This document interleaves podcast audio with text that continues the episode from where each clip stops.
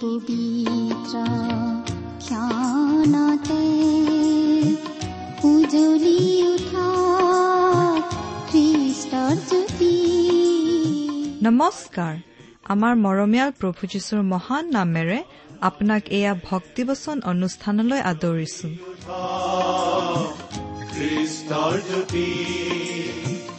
আকাশ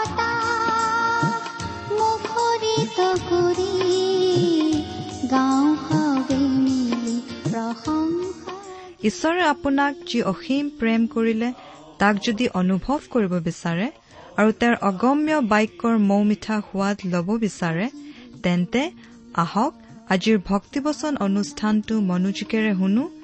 এয়া আপোনালৈ আগবঢ়াইছো ঈশ্বৰৰ জীৱন্ত বাক্যৰ অনুষ্ঠান ভক্তিবচন।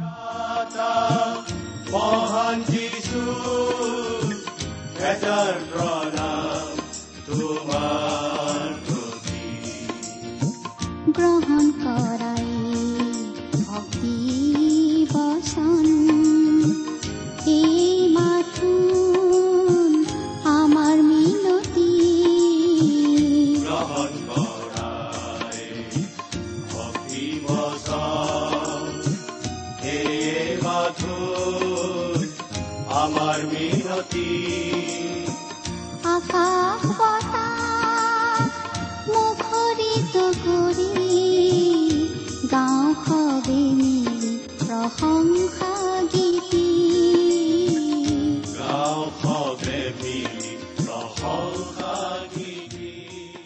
আমাৰ মহান ত্ৰাণকৰ্তা প্ৰভু যীশুখ্ৰীষ্টৰ নামত নমস্কাৰ প্ৰিয় শ্ৰোতা। আশা কৰোঁ আপুনি ভালে কুশলে আছে। লগতে আমি এই বুলিও আশা কৰিছো যে আপুনি আমাৰ এই ভক্তিবচন অনুষ্ঠানটো নিয়মিতভাৱে শুনি আছে। লগতে এই বুলিও আশা কৰিছো যে আপুনি আমাৰ এই অনুষ্ঠান সম্বন্ধে আপোনাৰ মতামত আদি জনাই আমালৈ চিঠি পত্ৰও লিখি আছে। আপুনি হয়তো ভাবিছে আমি এই চিঠি লিখাৰ কথাটো কিয় সদায় কৈ থাকো নহয় জানো? আমি শ্ৰোতাসকলৰ পৰা চিঠি পত্ৰ পালেহে জানিব পাৰোঁ। আমাৰ এই অনুষ্ঠানটো ৰাইজে শুনি আছে বুলি। লগতে এই অনুষ্ঠানটো শুনি কেনেকুৱা পাইছে সেই কথা জানিব পাৰিলে অনুষ্ঠান সম্বন্ধে আমাৰ এটা ধাৰণাও হয়। কোনোবাই শুনি উপকৃত হোৱা বুলি শুনিলে কাম কৰি যাবলৈ আমি উৎসাহ পাওঁ। সেয়েহে আমি শ্ৰোতাসকলক চিঠি পত্ৰ লিখিবলৈ সদায় অনুৰোধ জনাই আহিছো। আজি এই দুষাৰিমান লিখি পঠিয়াওকচোন আপোনাৰ মতামত আদি প্ৰকাশ কৰি খ্ৰীষ্টীয় বিশ্বাস সম্বন্ধে কিবা জানিবলগীয়া কথা থাকিলেও আমালৈ লিখিব পাৰে।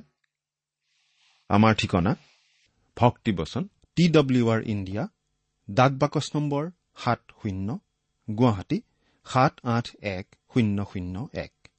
ভক্তিবচন T W R India post box number seventy Guwahati seven eight one zero' zero' one. আমাৰ website W W W dot radio' eight eight two dot com প্ৰিয় শ্ৰোতা আপুনি বাৰু আমাৰ এই ভক্তিবচন অনুষ্ঠানটো নিয়মিতভাৱে শুনি আছেনে? যদিহে নিয়মিতভাৱে শুনি আছে তেনেহলে আপুনি এই কথাটো নিশ্চয় জানে যে আমি আজি ভালেমান দিন ধৰি বাইবেলৰ পুৰণি নিয়ম খণ্ডৰ নহুম ভাৱবাদীৰ পুস্তক নামৰ পুস্তকখন অধ্যয়ন কৰি আছিলো। যোৱা অনুষ্ঠানটো বাৰু শুনিছিলনে আপুনি? যোৱা অনুষ্ঠানত আমি কি আলোচনা কৰিছিলো হয়তো আপোনাৰ মনত আছে? যোৱা অনুষ্ঠানত আমি এই নহুম ভাৱবাদীৰ পুস্তকখনৰ তিনি নম্বৰ অধ্যায়ৰ দুই নম্বৰ পদৰ পৰা সাত নম্বৰ পদলৈকে পঢ়ি আমাৰ আলোচনা আগবঢ়াইছিলো। নহয়নে বাৰু? গতিকে আজিৰ অনুষ্ঠানত আমি এই নহুম পুস্তকখনৰ তিনি নম্বৰ অধ্যায়ৰ আঠ নম্বৰ পদৰ পৰা আমাৰ আলোচনা আগবঢ়াই নিব খুজিছো। আজিৰ অনুষ্ঠানতে আচলতে আমি এই নহুম ভাওবাদীৰ পুস্তকখনৰ অধ্যয়নৰ সামৰণি মাৰিব ওলাইছো। আপুনি আপোনাৰ বাইবেলখন মেলি লৈছেনে বাৰু? আহক আজিৰ বাইবেল অধ্যয়ন আৰম্ভ কৰাৰ আগতে খন্তেক প্ৰাৰ্থনাত মূৰ নত কৰোঁ হওক। আমি প্ৰাৰ্থনা কৰোঁ। স্বৰ্গত থকা মহান পিতৃ ঈশ্বৰ তোমাৰ মহান নামৰ ধন্যবাদ কৰোঁ। তুমি সৰ্বশক্তিমান সৰ্বব্যাপী সৰ্বজ্ঞানী ঈশ্বৰ। তুমি আমাক প্ৰেম কৰোতা ঈশ্বৰ। আমালৈ তুমি তোমাৰ প্ৰেমৰ প্ৰমাণ দিছা। তুমি আমাক ইমানেই প্ৰেম কৰিছা যে আমাক উদ্ধাৰ কৰিবলৈ তুমি তোমাৰ একেজাত পুত্ৰ যীশুখ্ৰীষ্টকেই আমালৈ দান কৰিছা। তেওঁ এই পৃথিৱীলৈ আহিল। ক্ৰুচত প্ৰাণ দি আমাৰ সকলো পাপৰ প্ৰায়চিত্ৰ কৰিলে আৰু তৃতীয় দিনা জি উঠি নিজকে ঈশ্বৰ বুলি তেওঁ প্ৰমাণ দিলে। আজি তেওঁত বিশ্বাস কৰি আমি পৰিত্ৰাণ লাভ কৰিব পৰা হৈছো। সকলো পাপৰ ক্ষমা লাভ কৰিব পৰা হৈছো। তোমাৰ সন্তান হ'ব পৰা হৈছো আৰু তোমাক পিতৃ বুলি মাতিব পৰা হৈছো। তাৰ বাবে তোমাক অশেষ ধন্যবাদ পিতা। এতিয়া আমি তোমাৰ মহান বাক্য বাইবেল শাস্ত্ৰ অধ্যয়ন কৰিবলৈ ওলাইছো। আমি প্ৰাৰ্থনা কৰিছো তুমি আমাক তোমাৰ বাক্য বুজিবলৈ সহায় কৰা। আমাৰ প্ৰতিজনৰ আগত তুমি নিজকে অধিককৈ প্ৰকাশ কৰা।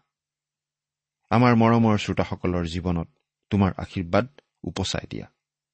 কিয়নো এই প্ৰাৰ্থনা আমাৰ পাপৰ প্ৰায়চিত্ৰ কৰিবলৈ ক্ৰুচত প্ৰাণ দি তৃতীয় দিনা পুনৰ জি উঠি এতিয়া স্বৰ্গত আমাৰ বাবে নিবেদন কৰি থকা ত্ৰাণকৰ্তা প্ৰভু যীশুখ্ৰীষ্টৰ নামত আগবঢ়াইছো। আমেন।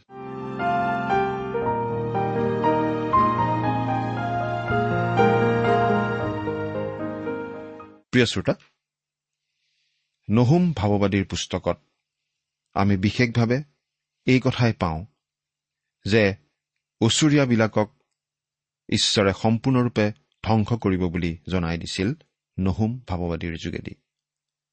আৰু আজিও আমি সেই বিষয়ে পঢ়িবলৈ পাম। এতিয়া বাইবেলৰ পৰা পাঠ কৰি দিম।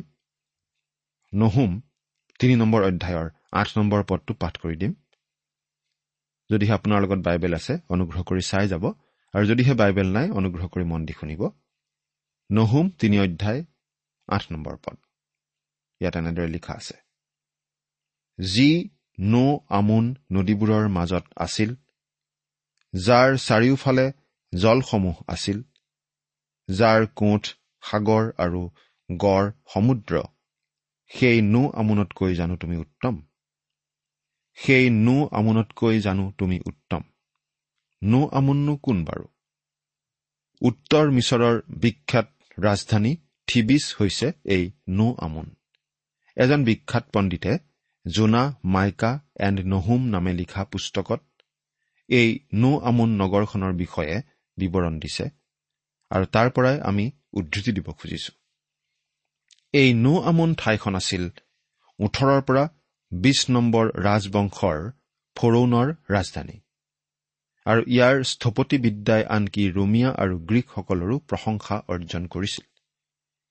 গ্ৰীকসকলে এই ঠাইখন ডিয়ছপলিছ বুলি কৈছিল কাৰণ তেওঁলোকৰ দেৱতা জুপিটাৰৰ মিছৰীয়া ৰূপটোক তাত উপাসনা কৰা হৈছিল। এই ঠাইখন নীল নদীৰ দুয়োপিনে অৱস্থিত আছিল। পূব পিনৰ ভাগত কাৰ্ণক আৰু লাক্সৰৰ বিখ্যাত মন্দিৰ আছিল। আমাৰ সকলোৰে পৰিচিত প্ৰথমগৰাকী গ্ৰীক কবিয়ে ইয়াত এশখন গেট আছিল বুলি কৈছে। এই নগৰখনৰ ভগ্নাৱশেষ প্ৰায় সাতাইছ মাইল ধৰি বিয়পি আছে। আমোন আছিল মিছৰীয়াবিলাকৰ মূল দেৱতা। আৰু মিছৰীয়াবিলাকৰ প্ৰাচীন চিহ্ন আদিত আমোনক মানুহৰ শৰীৰ আৰু মতা ভেড়াৰ মূৰ থকা হিচাপে অংকিত কৰা হৈছে। এই ঈশ্বৰ বিশ্বাসহীন আৰু প্ৰতিমা পূজক নগৰখনৰ ওপৰলৈ আহিবলগীয়া সোধ বিচাৰৰ কথা জিৰিমিয়া ভাৱবাদী আৰু জিহিচকেল ভাৱবাদীয়ে জনাই দিছিল। সেই বিষয়ে জিৰিমিয়া ছয়চল্লিছ নম্বৰ অধ্যায়ৰ পঁচিছ নম্বৰ পদ আৰু জিহিচকেল ত্ৰিশ নম্বৰ অধ্যায়ৰ চৈধ্যৰ পৰা ষোল্ল নম্বৰ পদ চাব পাৰে।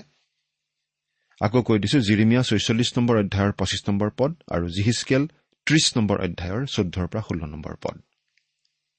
এই নৌ আমোন নগৰখন নীল নদীৰ পাৰত অৱস্থিত। আচলতে নীল নদীৰ খালবোৰৰ মাজত অতি সুবিধাজনক ঠাইত অৱস্থিত আছিল। আৰু নীল নদীখনেই তেওঁলোকৰ বাবে প্ৰতিৰক্ষাস্বৰূপ আছিল। প্ৰতি বছৰে যেতিয়া সেই নীল নদীখন পানীৰে ভৰি দুপাৰ বাগৰি যায় তেতিয়া একেবাৰে সাগৰ যেন লাগে। নিনবী নগৰখনে আচলতে নৌ আমোনৰ দশাৰ পৰাই নিজৰ দশাৰ বিষয়ে উমান পাব পাৰে। কাৰণ সেই প্ৰবল প্ৰতাপী মিছৰীয়া ৰাজধানীতকৈ নিনবীৰ অৱস্থা উত্তম নাছিল। ঈশ্বৰে নিনবীক কৈছে যে সেই নৌ আমিন অৰ্থাৎ থিবিছ নগৰখন ওচৰীয়া সাম্ৰাজ্যৰ বাবে এটা উদাহৰণ হোৱা উচিত আছিল। আচলতে সেই ওচৰীয়াবিলাকেই এসময়ত দুৰ্ভেদ্য যেন লগা সেই বিশাল নৌ আমিন বা থিবিছ নগৰখন ধ্বংস কৰিছিল। এনেকুৱা ধাৰণা কৰা হৈছিল যেন কোনেও সেই নগৰ দখল কৰিব নোৱাৰিব। কিন্তু অচুৰীয়াবিলাকে সেই নগৰ অধিকাৰ কৰিছিল আৰু সম্পূৰ্ণৰূপে ধ্বংস কৰিছিল। আৰু এই কথাটোৱেই আচলতে অচুৰীয়াবিলাকৰ কাৰণে এটা উদাহৰণস্বৰূপ হ'ব লাগিছিল। ঈশ্বৰে সেই থিবিছ নগৰৰ সোধ বিচাৰ কৰিছিল আৰু অচুৰীয়াবিলাকৰ যোগেদিয়েই ঈশ্বৰে আচলতে তেওঁলোকৰ সোধ বিচাৰ কৰাইছিল। আৰু তেওঁ ইয়াত এই কথাটোৰো ন্যায়সংগত কাৰণ দিছে যে তেওঁ নিনবীৰো সোধ বিচাৰ কৰিব। আজিৰ এই পৃথিৱীৰ মানুহৰ শাসন কাৰ্যৰ মাজত ঈশ্বৰৰ শাসন কাৰ্যই হস্তক্ষেপ কৰি থাকে। যি নৌ আমোন নদীবোৰৰ মাজত আছিল সেই নৌ আমোনতকৈ জানো তুমি উত্তম? নদীবোৰৰ বুলি বহু বচন ব্যৱহাৰ কৰি আচলতে যথেষ্ট পৰিমাণৰ পানীৰ কথাহে ইয়াত বুজোৱা হৈছে। বাৰিষা কালত যেতিয়া নীল নদী দুপাৰ বাগৰি গৈছিল নদীখন এখন সাগৰ যেন দেখা গৈছিল। যাৰ চাৰিওফালে জলসমূহ আছিল যাৰ কোঠ সাগৰ আৰু গড় সমুদ্ৰ। সেই নৌ আমোন বা থিবিছ নগৰখন এনেদৰে গঢ়া হৈছিল যাতে বাৰিষা কালতো ইয়াত অলপো পানী নহয়। বৰং পানীবোৰ সেই নগৰৰ কাৰণে প্ৰাকৃতিক দেৱাল যেন হৈছিল। সেই পানীয়েই আচলতে সেই নগৰখনক প্ৰতিৰক্ষা প্ৰদান কৰিছিল। ন নম্বৰ পদটো পঢ়ি দিছো। শুনিবচোন কোচ আৰু মিছৰে অসংখ্য সৈন্যৰ দ্বাৰাই তাইক সবল কৰিছিল। পুতীয়া আৰু লুবিয়া লোক তোমাৰ সাহায্যকাৰী। এইবিলাক আছিল সেই থিবিছৰ মিত্ৰ জাতি। সেইবোৰ থিবিছৰ ওচৰে পাজৰে থকা জাতি আছিল। সেই থিবিছ নগৰখন এসময়ত মিছৰ দেশৰ ৰাজধানী আছিল আৰু তেওঁলোকে ভাবি আছিল যে নগৰখন কেতিয়াও পতিত নহ'ব কাৰণ দুয়োপিনে ডাঙৰ ডাঙৰ মৰুভূমি আছিল আৰু নীল নদীখনেও প্ৰতিৰক্ষা দিছিল। আৰু উত্তৰে আৰু দক্ষিণে তেওঁলোকৰ মিত্ৰদেশবোৰ আছিল। আন কোনোবা তেওঁলোকৰ ওচৰ কেনেকৈ চাপিব পাৰে? কিন্তু অচুৰীয়াবিলাক আহিবলৈ সক্ষম হৈছিল। ঠিক একেদৰে অচুৰীয়াবিলাকেও এতিয়া নিজক অভেদ্য অপৰাজয় বুলি ভাবি আছে। প্ৰিয় শ্ৰোতা ঠিক একেটা কথা আজি আধুনিক যুগৰ অতি উন্নত দেশৰ ক্ষেত্ৰতো খাটে তেনেকুৱা দেশে ভাবি থাকিব পাৰে যে তেওঁলোক অপৰাজয় কাৰণ তেওঁলোকৰ অতি শক্তিশালী বোম আছে। নিজক ৰক্ষা কৰিবৰ বাবে অত্যাধুনিক সা সৰঞ্জাম আছে। কিন্তু প্ৰিয় শ্ৰোতা যেতিয়া ঈশ্বৰৰ নিৰ্ধাৰিত সময় আহিব তেতিয়া তেনেকুৱা উন্নত দেশো ধ্বংস হ'ব লাগিব। গতিকে আজি আচলতে শ্ৰেষ্ঠ প্ৰতিৰক্ষা সামৰিক শক্তিত নাই। আচল প্ৰতিৰক্ষা আছে ঈশ্বৰলৈ ঘূৰি তেওঁকেই আমাৰ প্ৰকৃত শাসনকৰ্তা বুলি গ্ৰহণ কৰি লোৱাতহে। আজি আমি আমাৰ চলাওঁতাসকলক দেখি বেছি উৎসাহ অনুভৱ নকৰো। তেওঁলোকৰ বেছিভাগৰেই কাৰ্যকলাপে আমাক আশ্বাস প্ৰদান কৰিব নোৱাৰে। তেওঁলোকৰ বহুতে নিজকে ঈশ্বৰ বিশ্বাসী বুলি কয় যদিও কাৰ্যকলাপ সম্পূৰ্ণ ওলোটা ধৰণৰহে হয়। ঈশ্বৰে কিন্তু কাকো এৰি নিদিয়ে। কোনো বিশেষ জাতি বা দেশ নহয়। গতিকে আমাৰ বাবে শ্ৰেষ্ঠ প্ৰতিৰক্ষা হৈছে আমাৰ চলাওঁতা হিচাপে প্ৰকৃত ঈশ্বৰ বিশ্বাসী লোকসকলক আমি বাছি ল'ব পৰাটো। ঈশ্বৰৰ বাক্যৰ নৈতিকতাত আমি বিশ্বাস কৰোঁ। আৰু সেই নৈতিকতা অৱহেলা কৰিলে নাইবা অস্বীকাৰ কৰিলে ঈশ্বৰে আমাক কেতিয়াও আশীৰ্বাদ কৰিব নোৱাৰে আৰু নকৰে। এতিয়া দহ নম্বৰ পদটো পঢ়ি দিওঁচোন। ইয়াত এনেদৰে লিখা আছে তথাপি তাইক নিয়া হৈছিল। তাই বন্দী অৱস্থালৈ গ'ল। তাইৰ শিশুবিলাককো আটাই আলিৰ মূৰত আচাৰি দুখৰ দুখৰ কৰা হ'ল।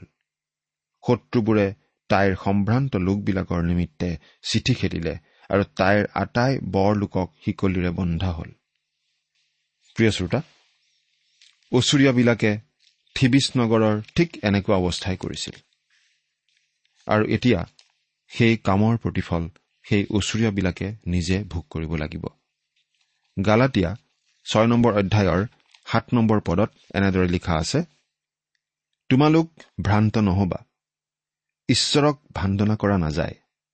কিয়নো মানুহে যিহকে বয় তাকেহে দাব। এতিয়া আমি এঘাৰ নম্বৰ পদটো পঢ়ি দিম। তুমিও মতলীয়া হবা। নিজকে লুকুৱাই ৰাখিবা।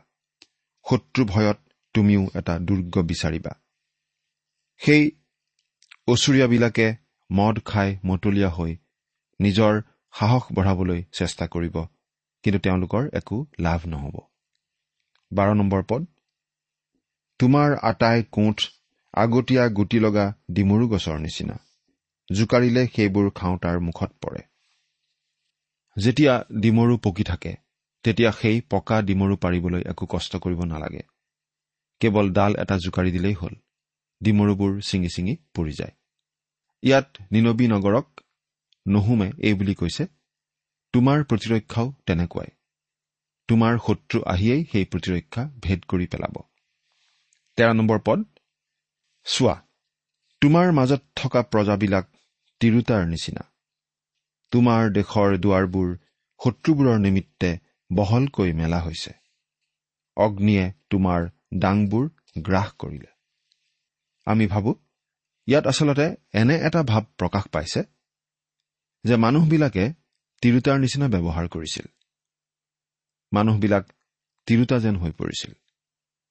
অৱশ্যে ইয়াৰ অৰ্থটো এনেকুৱাও হয়তো হ'ব পাৰে যে আচল ক্ষমতাত মহিলাসকলহে আছিল।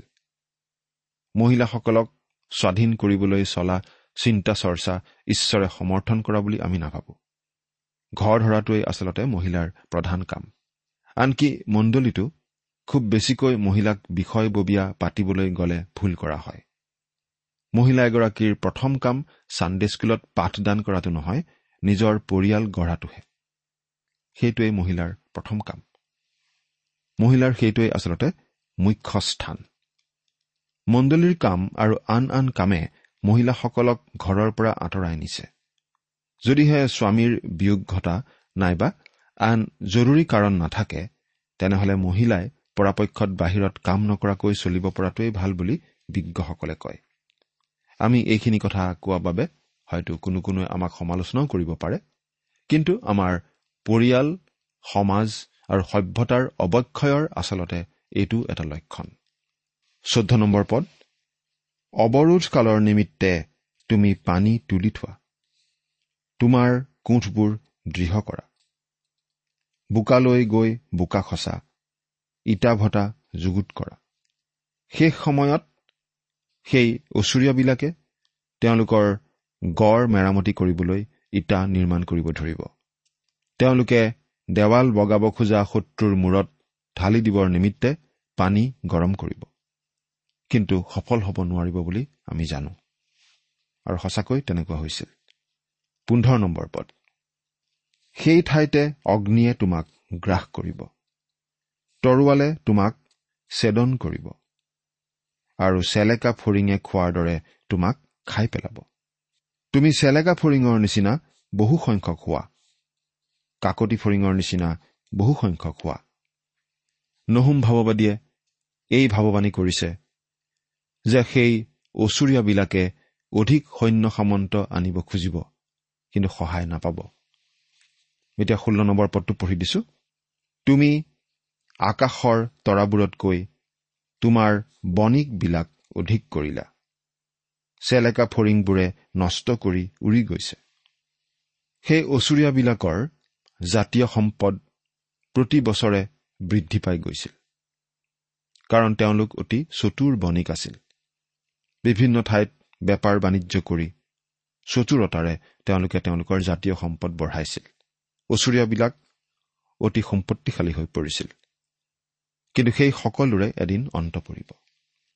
সোতৰ নম্বৰ পদ তোমাৰ কিৰিটি পিন্ধাবিলাক কাকতি ফৰিঙৰ নিচিনা আৰু যি ফৰিঙে জাৰৰ দিনা বেৰাত আশ্ৰয় লয় কিন্তু ৰ'দ ওলালে উৰি যায় আৰু কলৈ যায় তাক জনা নাযায় তোমাৰ সেনাপতিবিলাক এনে ফৰিঙৰ নিচিনা। সেই সময় অহাত নেতাবোৰ পলাবলৈ সক্ষম হৈছিল কিন্তু অলপ সময়ৰ বাবেহে। ওঠৰ পদ। হে অচুৰৰ ৰজা তোমাৰ ভেড়াৰখীয়াবোৰ টোপনি গৈছে। তোমাৰ প্ৰধানবিলাকে বিশ্ৰাম কৰিছে। তোমাৰ প্ৰজাবোৰ পৰ্বতৰ ওপৰত গোট গোট হ'ল। সিহঁতক গোটাবলৈ কোনো নাই। অচুৰীয়াবিলাকৰ নেতৃত্ব চেদেলি ভেদেলি হৈ পৰিছিল। সেই শত্ৰুৰ আক্ৰমণৰ সময়ত তেওঁলোকে দেশখনক নেতৃত্ব দিবলৈ কাকো বিচাৰি পোৱা নাছিল। তেওঁলোকৰ নেতৃত্ব সম্পূৰ্ণৰূপে চেদেলি বেদেলি হৈ পৰিছিল আৰু তেওঁলোকক নেতৃত্ব দিবলৈ চেষ্টা কৰা হোৱা নাছিল। প্ৰিয় শ্ৰোতা জাতি হিচাপে নাইবা দেশ হিচাপে আমি নিম্নগামী হোৱাৰ এটা লক্ষণ হৈছে সবল নেতৃত্ব আজি দুষ্প্ৰাপ্য হৈ পৰাটো। আমি ভালদৰে মন কৰি চালেই দেখিবলৈ পাম যে সকলো পৰ্যায়তেই আচলতে নেতৃত্বৰ অভাৱ লক্ষণীয় হৈ পৰিছে। কেৱল টকা পইচাৰ বলতেই আজি মানুহ নেতৃত্বলৈ আহিব পৰা হৈছে। ঈশ্বৰে ইয়াত আমাক এই কথাটো জনাইছে যে তেওঁ উল্লেখ কৰা আন আন কথাৰ লগতে উপযুক্ত নেতৃত্বৰ অভাৱেও ওচৰীয়াবিলাকৰ আচলতে পতন ঘটালে। সেই ওচৰীয়াবিলাকতকৈ আমাৰ অৱস্থা জানো আজি ভাল। আজি দুখ লগা কথাটো এয়েই যে মানুহ আজি ঈশ্বৰৰ পৰা আঁতৰি আহিছে। শান্তিৰ ৰজা জগতৰ পৰিত্ৰাতা যীশুখ্ৰীষ্টক মানুহে প্ৰত্যাখ্যান কৰা কথাটো আচলতে আজি সকলোতকৈ দুখ লগা কথা। ঈশ্বৰে নহুম ভাৱবাদীৰ যোগেৰে নিনবী নগৰক কোৱা শেষ কথাটোলৈ মন কৰক। এই কথাখিনি তেওঁ অতি খাটাং স্পষ্ট দৃঢ়ভাৱে কৈছে। কথাখিনি আচলতে আমাক সকলোকে ভয় খুৱাই দিয়া উচিত। পাঠ কৰি দিম ঊনৈশ নম্বৰ পদ অৰ্থাৎ এই পুস্তকখনৰ শেষৰ পদটো। তোমাৰ ক্ষতৰ উপশম নাই। তোমাৰ ঘা সুস্থ হ'ব নোৱাৰা। তোমাৰ বিষয়ে বাৰ্তা শুনা আটাইবিলাকে তোমালৈ হাততালি দিব। কাৰণ কাৰ ওপৰত তুমি নিজৰ দুষ্কৰ্ম অনবৰত চলোৱা নাই? প্ৰিয় শ্ৰোতা সেই অচুৰীয়া লোকবিলাকে কেৱল পাপ পাপ আৰু পাপেই কৰি গৈছিল। সকলোৰে ওপৰত তেওঁলোকে অত্যাচাৰ চলাইছিল। ধ্বংসকাৰ্য চলাইছিল। বৰ্বৰতা নিষ্ঠুৰতা চলাইছিল। তেওঁলোকৰ বাবে এইটো জীৱনৰ পদ্ধতি যেনেই আছিল। যেতিয়া মানুহে ঈশ্বৰৰ পিনে আঙুলি টোৱাই ঈশ্বৰক দোষাৰোপ কৰি কয় যে জগতত চলি থকা মন্দতা ঈশ্বৰে চলি থাকিবলৈ দিয়ে আৰু সেই বিষয়ে একো নকৰে ঈশ্বৰ নীৰৱ দৰ্শক হৈ থাকে তেতিয়া ঈশ্বৰে উত্তৰ দিয়ে নাই নহয় মই নিশ্চয় কিবা কৰোঁ। প্ৰিয় শ্ৰোতা আজি আমাৰ জগতখনত চলি থকা বিভিন্ন ধৰণৰ অন্যায় অবিচাৰৰ কথাই আপুনি হয়তো চাব পাৰে।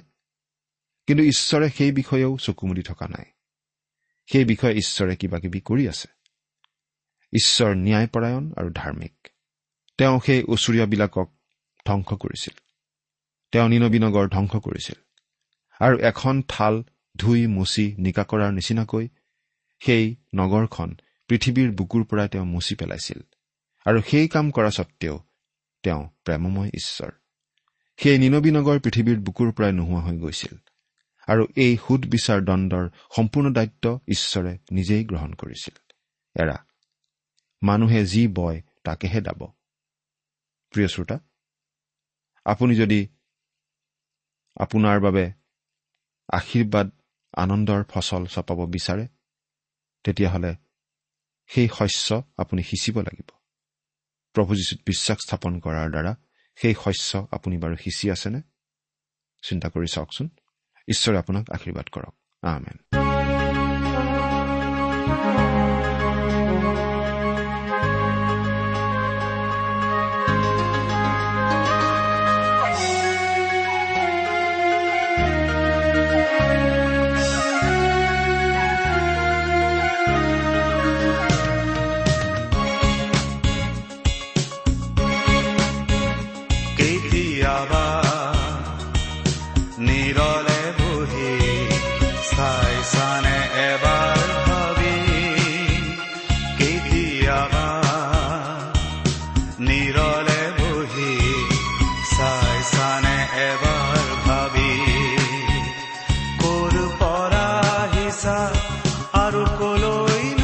job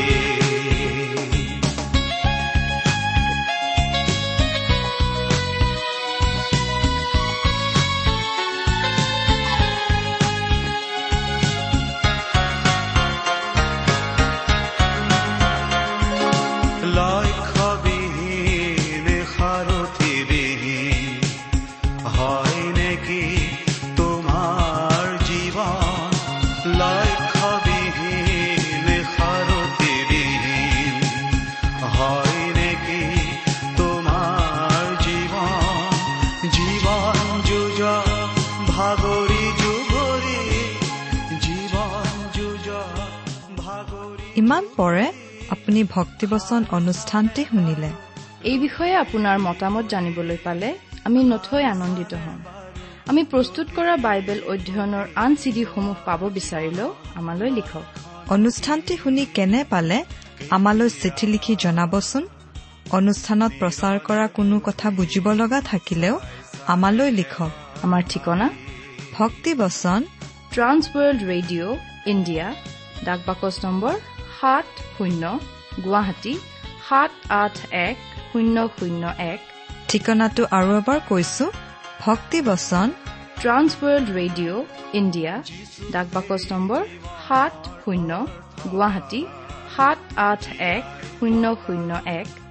আমাৰ ইমেইল এড্ৰেছটো হৈছে S M Z T T B at the rate radio' eight eight two dot com. আমাৰ ৱেবছাইট ইন আপুনি টেলিফোনৰ মাধ্যমেৰেও আমাক যোগাযোগ কৰিব পাৰে। আমাৰ টেলিফোন নম্বৰটো হৈছে শূন্য তিনি ছয় এক দুই ছয় শূন্য চাৰি ছয় সাত এক। ফোন নম্বৰটো আকৌ এবাৰ কৈছো zero' three six one two six zero' four six seven one. আজিৰ অনুষ্ঠানটি ইমানতে সামৰিছো। ঈশ্বৰৰ শান্তি আৰু অনুগ্ৰহ আপোনাৰ লগত থাকক। ধন্যবাদ।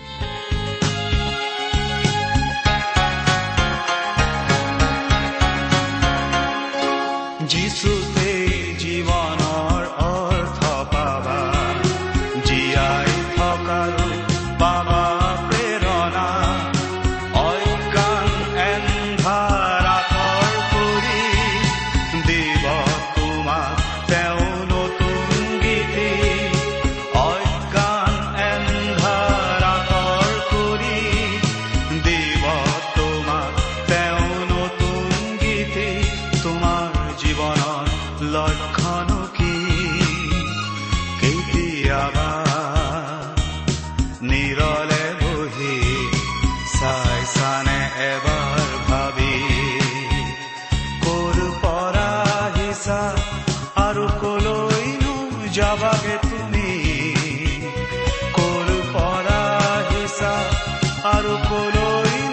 जब